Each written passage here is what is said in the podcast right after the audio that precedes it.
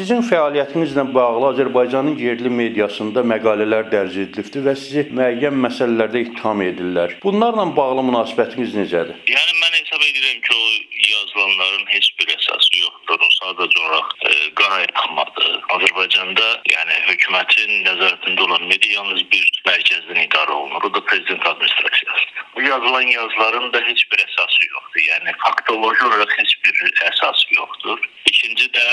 sadəcə olaraq bu və digər formada həm e, güya ki bu yazılarla bizi qorxu altında saxlamağa çalışırlar. Şəxsən məni yox, daha çox bizimlə e, ünsiyyətdə olan insanlara daha çox qorxu yaratmaq istəyirlər. E, hər halda fərqindədirlər ki, o yazılar bizi qorxutmur. Sadəcə olaraq e, bizimlə cəmiyyətin geniş ünsiyyət qurmasına e, mümkün qədər bir növ baryer yaratmaq istəyirlər e, və ümumiyyətlə cəmiyyətdə xofu artırmaq məqsədi daşıyır. İkinci də e, yəni öz arşınları ilə güya ki bizi etimadımızı sarsmaq istəyirlər cəmiyyətdə ki biz e, bilinən e, insanlar deyilik, yəni bizim arxamızda güya ki onların təbirincə desək gizli məqamlar. Yəni hökumət çox yanlış yerə öz nüfuzunu qoruyub saxlamaq və ya öz öhdəsində duran işi öhdəsində olan işi icra etmək əvəzinə öz reytinqini, öz gücünü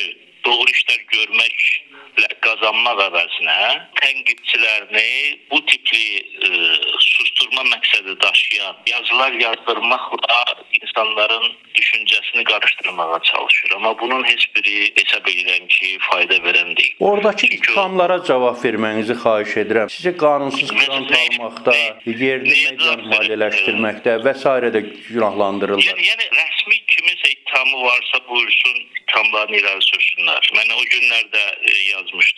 E, Respublikası 3-cü Respublika platformasının qurucu heyətinin üzvü Araz Əliyev saxlanılarkən mənim çantam da götürülüb və çantanın içindəki qiymətli əşyalarla birlikdə, elektron cihazlarla birlikdə və hələ də geri qaytarılmır. Yəni ona görə rəsmi olaraq reaksiya ifadə elədim ki, əgər hər hansı bir tam varsa bu rüsumda səsləndirsinlər. Amma yəni bu sadəcə olaraq heç bir faktı söykənmir və dediyim kimi oradakı hansısa bir nüansların da cavab verəcək bir qiymətdə bir dəyəri yoxdur. Çünki hər hansı bir fakt səsləndirilir. Ümumi sözlərlə. Yəni mən desəm ki, ümumi sözlərlə hökumət korrupsiya həyata keçirdir, hökumət korrupsiyadan yararlanır, hökumət qanunsuzluqlar edir bu ümumi sözlərlə eyni reaksiya olmuşdur. Amma konkret faktlar göstərəndə, yəni korrupsiya ilə məşğul olduğunu araşdırmaçı jurnalistlər ortalığa çıxardanda, hökumətin özünün yüksək çinli məmurları həbs edərək, sonra məhkəmələrdə nə qədər yeyintilər